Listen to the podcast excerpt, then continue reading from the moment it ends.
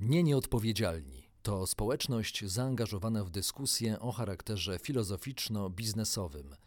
Naszym celem jest uwrażliwienie ludzi biznesu i nas, obywateli, użytkowników tego świata, na różne aspekty odpowiedzialności.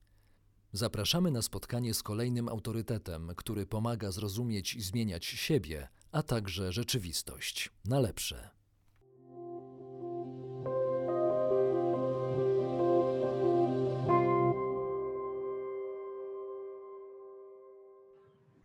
Dzień dobry. Dzisiaj gościem telewizji Nieodpowiedzialni jest y, pani Elżbieta Mączyńska, profesor nauk ekonomicznych, prezes Polskiego Towarzystwa Ekonomicznego. Pani profesor y, jest też członkiem Komitetu Nauk Ekonomicznych Polskiej Akademii Nauk. Dzień dobry pani profesor. Cieszymy się bardzo, że jest Pani z nami, że przyjęła Pani zaproszenie do rozmowy, a dzisiaj chcielibyśmy odwołać się do Pani wiedzy, doświadczenia i intuicji y, bogatych e, intuicji i doświadczenia i porozmawiać o tym, jak to będzie z gospodarką w przyszłości. Ale zanim do tego dojdziemy, proponuję, żebyśmy zastanowili się nad tym, jak to możliwe, żeby gospodarkę światową, która rozwija się średnio w tempie 2% rocznie, można było tak łatwo wykoleić, bo wystarczył miesiąc do tego, żeby wszystko stanęło. A być może my mamy jakiś zły obraz sytuacji, być może wcale jeszcze to tak źle nie jest. Akurat zapytał Pan o to, o czym pisze y, na swojej stronie internetowej y, niedawny noblista, y, pan profesor Paul Romer, który właśnie opublikował taki wpis pod tytułem Co poszło nie tak? Co poszło nie tak? Co było nie tak? Co ekonomiści zrobili nie tak? Zresztą okrutnie dość rozprawia się z ekonomistami, którym zarzuca takie zbyt krótkowzroczne myślenie, ale ja e, chcia, e, chciałam, e, on przy, zresztą posługuje się takim dość okrutnym przykładem, przywołuje problem, jaki wystąpił w XIX wieku, kiedy okazało się, że w tych przypad przypadkach dotyczy to problem kobiet, które rodziły dzieci. I w, i w tych przypadkach, kiedy do, do porodu zapraszany był lekarz, to w takich przypadkach okazało się, że śmiertelność rodzących matek, kobiet rosła. No i e, co się okazało? Że lekarze nie myli rąk. Romer pisze, używa tej metafory, to jest przykład z życia, jest trudno to nazwać metaforą, ale w tym sensie, że odnosi to do ekonomistów, nawołując w cudzysłowie żeby myli ręce, czyli pokazywali lepiej, czyściej, przejrzyściej naszą rzeczywistość. E, on zastrzega się, że o ile w przypadku tych porodów to rozwiązaniem było, rozwiązanie przyjęto dość proste, po prostu przestano zapraszać lekarzy. E, ich nieobecność sprawiała, że śmiertelność spadała. E, więc natomiast tutaj Romer pisze, że nie chciałby żebyśmy doszli do wniosku, że trzeba wyrzucić ekonomistów i zrezygnować e, z pracy ekonomistów. Tym niemniej zwraca uwagę na kwestię mycia rąk, czyli takiego e, bardziej e, dokładnego spojrzenia ze strony ekonomistów, bardziej przejrzystego przedstawiania rzeczywistości i analizowania. Ja chciałam przypomnieć y, Pana rozmowę naszą sprzed lat, kiedy rozmawialiśmy o różnych nieprawidłowościach tego świata. Pan mnie tam podpytywał o różne y, y, takie zjawiska, które są groźne, tworzą różnego rodzaju ryzyko i nie służą dobrze naszej rzeczywistości społeczno-gospodarczej, a przede wszystkim jakości naszego życia. No i wtedy rozmawialiśmy o różnego rodzaju e, dysproporcjach występujących w tym świecie. E, e, takie najbardziej istotne to zwracaliśmy wtedy uwagę na nierówności społeczne i na to, że wolny rynek nie ma wrogów, ale ma wiele ofiar, więc ta to podejście y, wykreowane przez, w ramach doktryny neoliberalnej od lat gdzieś 70., 80., okazuje się teraz y, bardzo zawodne, co zresztą też nie jest żadnym odkryciem, bo też no wiele, wiele lat temu wielu ekonomistów no, przestrzegało przed, przed taką sytuacją, kiedy zaniedbamy niektóre obszary i te zaniedbania będą się na nas mścić. W tym przypadku zaniedbano obszar, zadbano bardzo o wzrost gospodarczy. Wzrost gospodarczy stał się fetyszem, bożkiem. Nie, była, nie, był, nie ma dnia do dziś zresztą, żeby nie, była, nie było w prasie, w mediach informacji, czy wzrost gospodarczy wzrośnie, y, y, wynosi 4% y, czy 3%, czy też jest spadek, kurczenie się gospodarki. Co zresztą ja tutaj belferska dusza moja cierpi, bo przy tym kurczeniu się gospodarki, o którym teraz coraz częściej słyszymy, nawet szefowa Międzynarodowego Funduszu Walutowego wydała komunikat, że to jest kryzys, jakiego jeszcze świat nie znał, większy od kryzysu, wielkiego kryzysu, nazwanego tak wielki kryzys lat okresu międzywojennego i większy kryzys niż kryzys, który wywołała II wojna światowa, ale użyła, y, słyszałam relację polską, więc muszę to sprawdzić jeszcze w oryginale, y, ujemny wzrost gospodarczy. To jest y, sformułowanie, które jest bardzo irytujące i chciałabym przy tej okazji apelować, żeby nie używać takich sformułowań jak ujemny wzrost gospodarczy czy ujemny zysk, bo to są oksymoryczne określenia. Y, po prostu... W ten sposób y, jeszcze bardziej zaciemniamy sytuację niewiedzy, no w której jesteśmy. I nie pomijam już, że większość ludzi, nie, y, nie ekonomistów oczywiście, ma kłopoty z dokładnym rozumieniem samej kategorii PKB. To też często nie mówimy nawet produkt krajowy brutto, tylko PKB i dla wielu osób to jest po prostu niejasny aksymoron i bardzo ważne jest, żeby to wyjaśniać. Mam nadzieję, że w naszej rozmowie też do, y, dojdziemy do tego. No w każdym razie, jeżeli mówimy o, o tym, co poszło nie tak, to musimy sięgnąć do definicji, o co nam chodzi i czemu ma służyć ekonomia.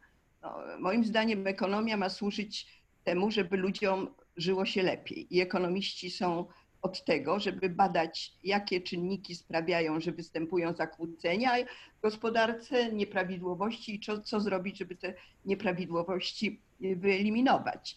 E, I teraz, jeżeli tak jest, jeżeli ekonomia to nie jest chrematystyka, czyli to nie jest nauka o zarabianiu pieniędzy, tylko to jest nauka o ludziach w procesie gospodarowania po to, żeby jakość życia ludzi poprawiać, to musimy spróbować zdefiniować, czym ta poprawa jakości życia ma się wyrażać. Otóż tutaj przydatna jest kategoria rozwój społeczno-gospodarczy. I znowu y, trzeba przestrzec, żeby nie utożsamiać kategorii rozwój społeczno-gospodarczy ze wzrostem gospodarczym, co jest niestety bardzo, bardzo częste.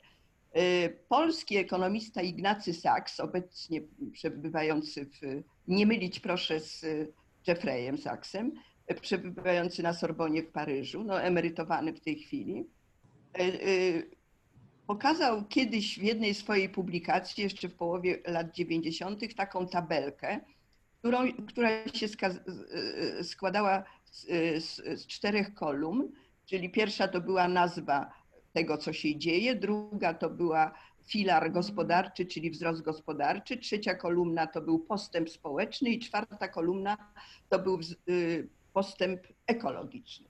No i profesor określił taką sytuację, w której dbamy o wzrost gospodarczy, ale ten wzrost gospodarczy nie przekłada się należycie na postęp społeczny i na ekologiczny postęp, to określił pan profesor to jako dziki wzrost gospodarczy. W tej chwili bardzo często się do tego wielu ekonomistów odnosi, bo niektórzy mówią o darwinizmie społecznym, to takim podejściu, że no, społeczeństwo musi sobie z tym radzić. Jeżeli nie jest w stanie się wpisać w ten y, proces y, wzrostu gospodarczego i z tego korzystać i do tego się przyczyniać, to po prostu, tak jak w teorii Darwina, słabsze organizmy muszą ginąć. I to jest okrutne podejście, czyli jeżeli w dodatku ten wzrost gospodarczy nie przekłada się na postęp ekologiczny, a wprost przeciwnie, na degradację środowiska naturalnego, no to oczywiście to prowadzi do, do pogorszenia jakości życia ludzi, w tym e,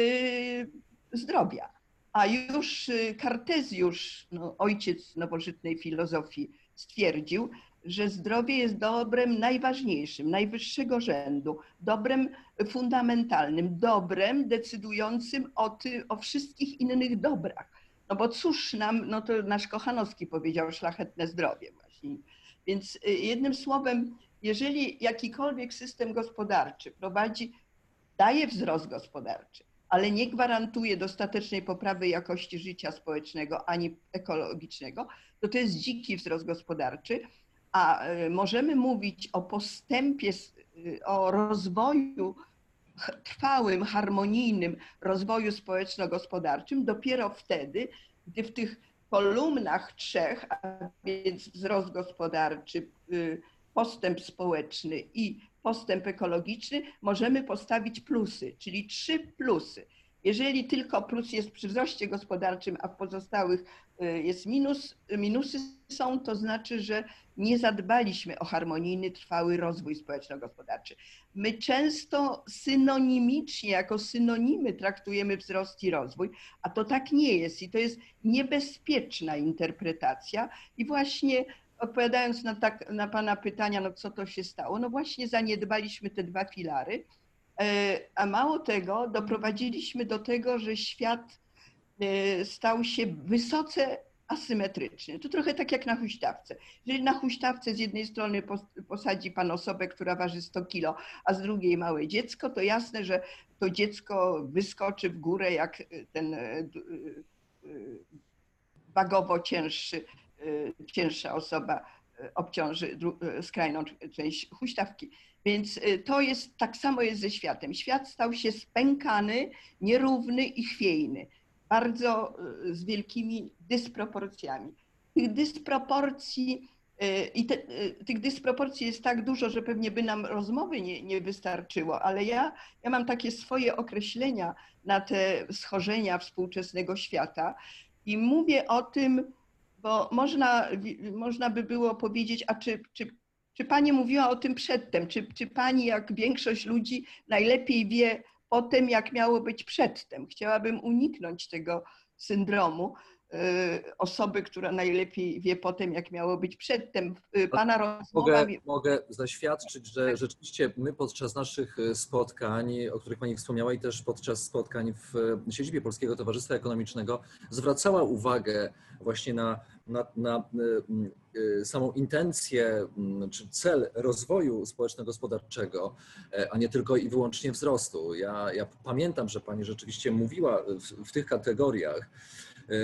E, no i, i, jak się okazuje, praktyka rynkowa e, idzie w inną stronę, to znaczy dominuje jednak potrzeba tego, żeby w tabelkach excelowskich jednak cały czas wykazywać coraz większe wzrosty, prawda, żeby, żeby można było się po, pokazać wskaźnikami wzrostu i w ten sposób uzyskać większą kapitalizację spółki czy kapitału, który w ogóle się e, posiada. I pani profesor prawdopodobnie też wie, że nie wystarczy nam jakby mm, analiza sytuacji, że w obecnej sytuacji potrzebujemy jednak już e, jakichś scenariuszy na przyszłość. Jak pani sądzi, czy no E, czy rozwój społeczno-gospodarczy to jest ta kategoria, do której powinniśmy się teraz odnieść, czy powrócić do, do tej koncepcji, może stworzyć coś nowego, żeby w momencie zatrzymania e, no, skorzystać na tym, jeśli w ogóle jeszcze możemy coś ratować. No, e, czy możemy coś ratować? Oczywiście, że możemy i musimy i powinniśmy. I, i tu chodzi o to, że no, znowu ten sam Y, Paul Romer, no on zasłynął z tego, że chyba bodajże w 2004 roku powiedział, że kryzys jest zbyt straszliwą rzeczą, żeby, żeby go nie wykorzystać. Czyli to kryzys stwarza też okazję, nie każdy niestety, ale przeważnie jednak kryzys stwarza tę okazję, okazję do tego, do nowych przemyśleń, do nowego pomyślenia tego, co, co do tej pory było czynione. Ja mam takie określenia na to, co się dzieje, na te nierównowagi. Używam e, między innymi określenia syndrom Botaniego. E, to jest to bardzo dziwne określenie może, ale to jest dom świat się zamienił w dom towarowy Botaniego. To jest Botanio. bo tanio. Czyli to na ten, tę metaforę, do tej metafory przywiódł mi mój syn, kiedy kiedyś sobie kupił jakiś tam coś z odzieży i to bardzo marne jakieś było. Ja pytam, gdzie to kupił? On mówi, no jak to, w najlepszym domu na, na świecie, czyli w domu towarowym Botanii, więc Botanio. Więc y, to jest, świat poszedł w kierunku botanio, bo, ale problem polega na tym, że to botanio y, to jest obciążone błędem rachunkowym, bo y, to już no, mądrość ludowa mówi, że jeżeli jesteś biedny, to nie możesz kupować tanio, bo tanio okazuje się drogo, czyli coś kupisz rzecz jakąś jakościowo marną, to musisz dwa razy kupić i w gruncie rzeczy wychodzi to drogo, drożej. I, I, świat poszedł w tym kierunku. Jeżeli słyszymy, że 95% antybiotyków do Stanów Zjednoczonych dostarczają Chiny, to to jest dość przerażająca informacja. Bo powstaje pytanie, no dobrze, jeżeli w Chinach wydarzy się coś strasznego z jakichś przyczyn, e, fabryki przestaną produkować albo zdarzy się jakaś katastrofa, e, także klimatyczna, tutaj musimy się z tym też liczyć to co się stanie z ludźmi, którzy nie będą pozbawieni tych antybiotyków? I e, ten błąd w rachunku polega na tym, że nie uwzględniamy kosztów i efektów zewnętrznych.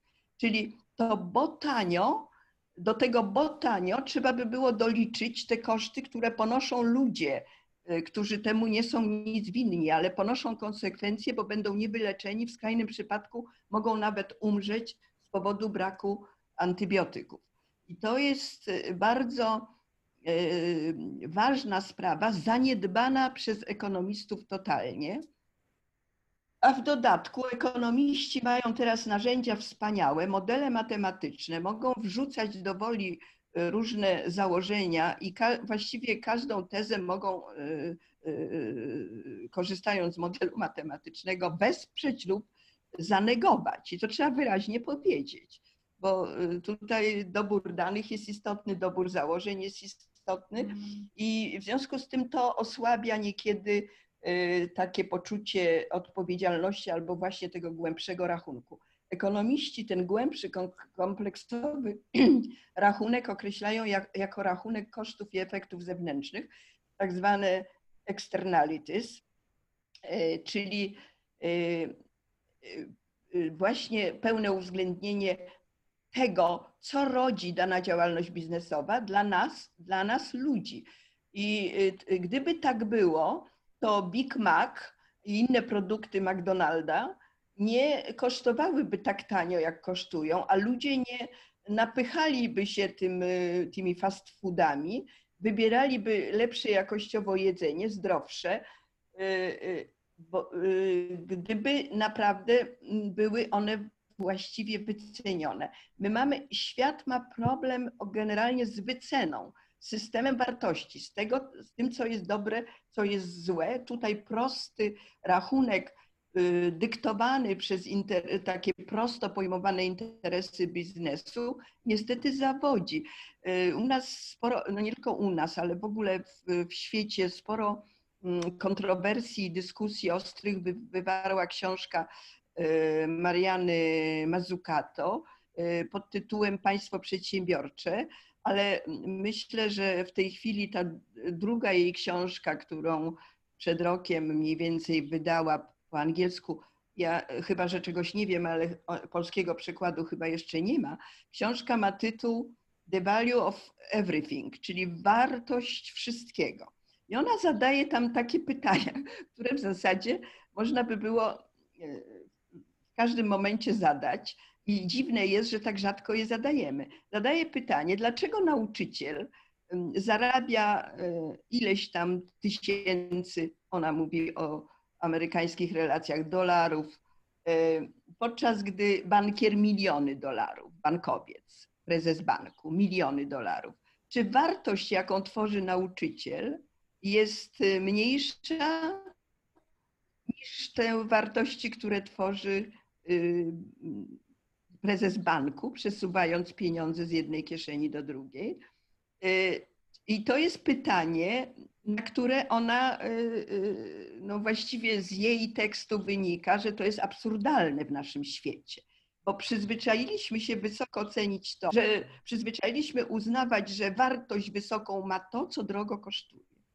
A okazuje się, że tak dużo błędów popełniamy w tym rachunku pojmowanym kompleksowo, że po prostu ta rzeczywistość jest kompletnie poprzez ten rachunek zafałszowana. Jaką rolę odgrywają tutaj rynki finansowe i presja na wyniki, lokowanie E, określonych sum, dużych sum w, w korporacjach, w, w, funduszach inwestycyjnych, e, które no z założenia powinny zarabiać coraz więcej, więcej i więcej, e, odgrywają no, rolę w tym przeszacowaniu pracy, efektów tej pracy w skali całego globu.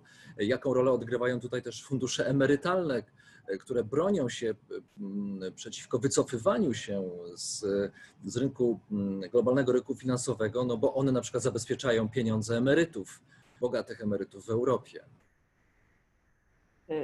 Cechą rynków finansowych jest e, krótko, są krótkie inwestycje, to znaczy dziś kupić, jutro sprzedać papier wartościowy po to, żeby zarobić rynki finansowe nie mają długiej perspektywy i to jest ból naszej gospodarki. Rynki finansowe powinny, są krwiobiegiem gospodarki, ale one powinny, y, powinny pełnić rolę służa, służalczą w stosunku, służebną w stosunku do gospodarki. Tymczasem tygrys wymknął się z, z klatki i one y, jakby przygniatają realną gospodarkę bardzo często, jeżeli są nadmiernie rozbuchane E, przygniatają w tym sensie, że przy, chociażby dlatego, że wyciągają najwyższej klasy specjalistów ze sfery realnej do, e, e, do finansowej, a równocześnie zachęcają, żeby sfera realna inwestowała w te, w te inwestycje spekulacyjne, bo te krótkoterminowe inwestycje mm. mają nazwę też inwestycje spekulacyjne. Nie ma w tym nic negatywnego, to po prostu w ekonomii oznacza spekulowanie, oznacza y, dzisiaj sprzedać, dzisiaj kupić, jutro sprzedać, po to, żeby skorzystać na różnicy, na różnicach kursów, cen i tak dalej. I jeżeli ta, te proporcje są zachwiane pomiędzy sektorem realnym i y, finansowym, to to szkodzi temu, co określiłam na początku, mianowicie rozwojowi, trwałemu, harmonijnemu rozwojowi społeczno-gospodarczemu. Jest jeszcze jedna cecha poza tą, tym krótkim horyzontem czasowym, który charakteryzuje y, sektor finansowy. Y, jest jeszcze jedna cecha tego sektora, że on mm, nie, mm, właśnie nie uwzględnia tego rachunku kosztów i efektów zewnętrznych a poza tym bardzo często bazuje na niewiedzy, na nietransparentności. Bardzo często te operacje finansowe, które są i produkty, które są oferowane przez sektor finansowy, są niejasne, niezrozumiałe i ludzie e, ulegają mirażowi szybkich zysków e, i potem ponoszą tragiczne konsekwencje, co mhm. było widać w kryzysie 2008 roku. Czyli Y, nie chciałabym, żeby z tej mojej wypowiedzi wynikało, że sektor finansowy jest niepotrzebny. On jest bardzo potrzebny i niezbędny w gospodarce, ale istotne jest, żeby on pełnił tę rolę należycie, tak jak został do tego powołany i wykreowany, czyli do wspierania e, sektora realnego, e, tej, dostarczania tej krwi, ten, tego krwiobiegu. E, bez tego sektora nastąpiłby zawał, tak jak w organizmie ludzkim. Ale jeżeli jeżeli to pompowanie jest nadmierne, to może dojść, dojść do śmierci niektórych działów sektora realnego. I niewątpliwie no, jeszcze jest jedna cecha sektora finansowego, która odróżnia, odróżnia go od sektora realnego. On ma znacz, sektor finansowy ma znacznie mniej ograniczeń w realizowaniu swoich działań niż sektor realny. No wystarczy powiedzieć, że komputery 24 godziny na dobę pracują, nie śpią i realizują zaprogramowane odpowiednio strategie kupna, zamiany dolarów na jeny czy jeny na dolary. Wszystko jedno, 24 godziny stosownie do tego, jak się zmieniają kursy. Ale od tego dóbr realnych w gospodarce nie przybywa, a e, może dochodzić do gwałtownych załamań, które sam sektor finansowy może wywoływać niestety.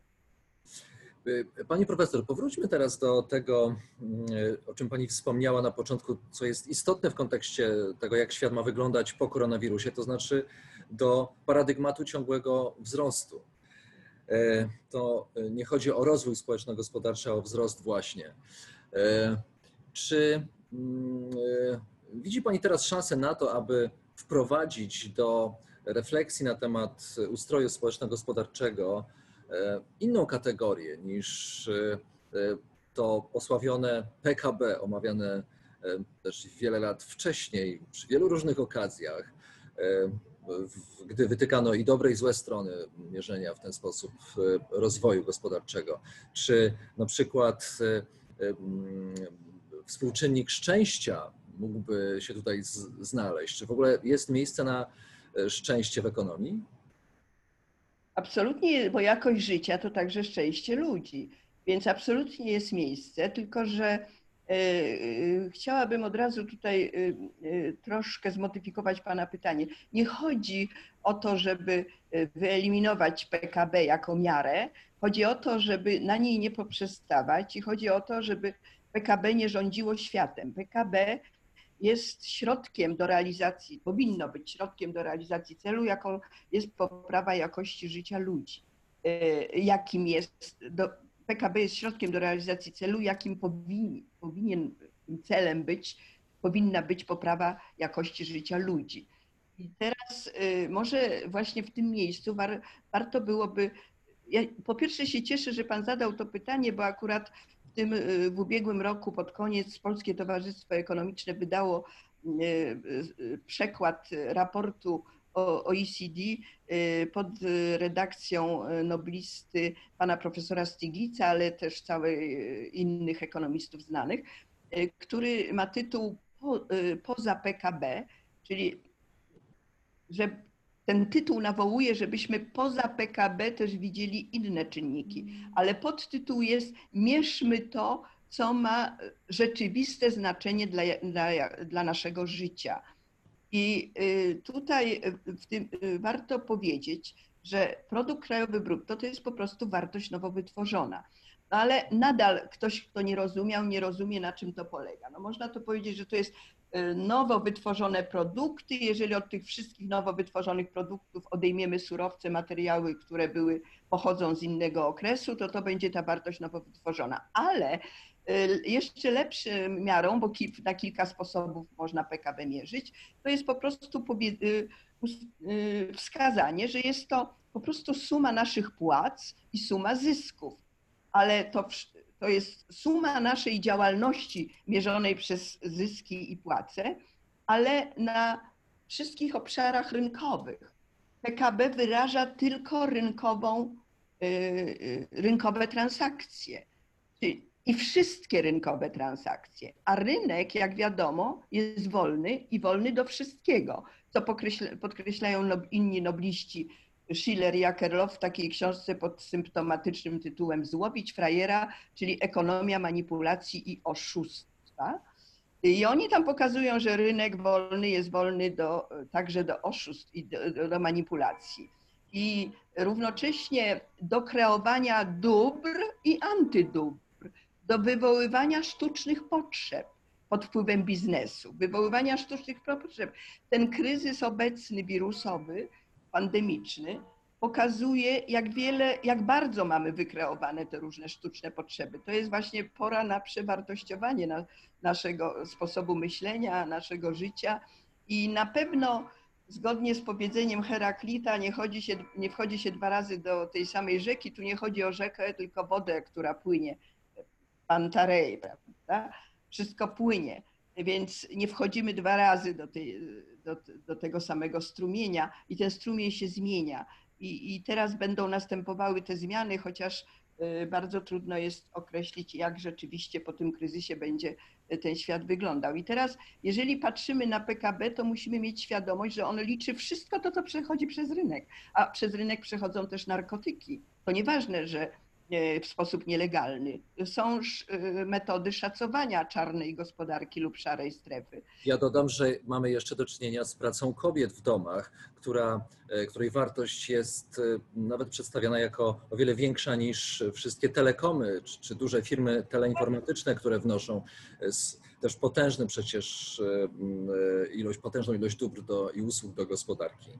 No właśnie, to świetnie wyraził, zwrócił na to uwagę, chociaż w jego teorii to, nie znalazło ostatecznego przełożenia na, na jego teorię. Inny noblista Paul Samuelson, który kiedyś zadał studentom pytanie, co się stanie, jak profesor ożeni się ze swoją gosposią. Studenci kombinowali różnie, żartobliwie i tak dalej, jak to wpłynie na relacje, ale nie, nie, nie doszli z nami do odpowiedzi. Odpowiedź dał sam pan profesor, mianowicie powiedział, że spadnie PKB bo jeżeli ta gosposia gotowała zupę pomidorową panu profesorowi, to musiał pan profesor za to płacić.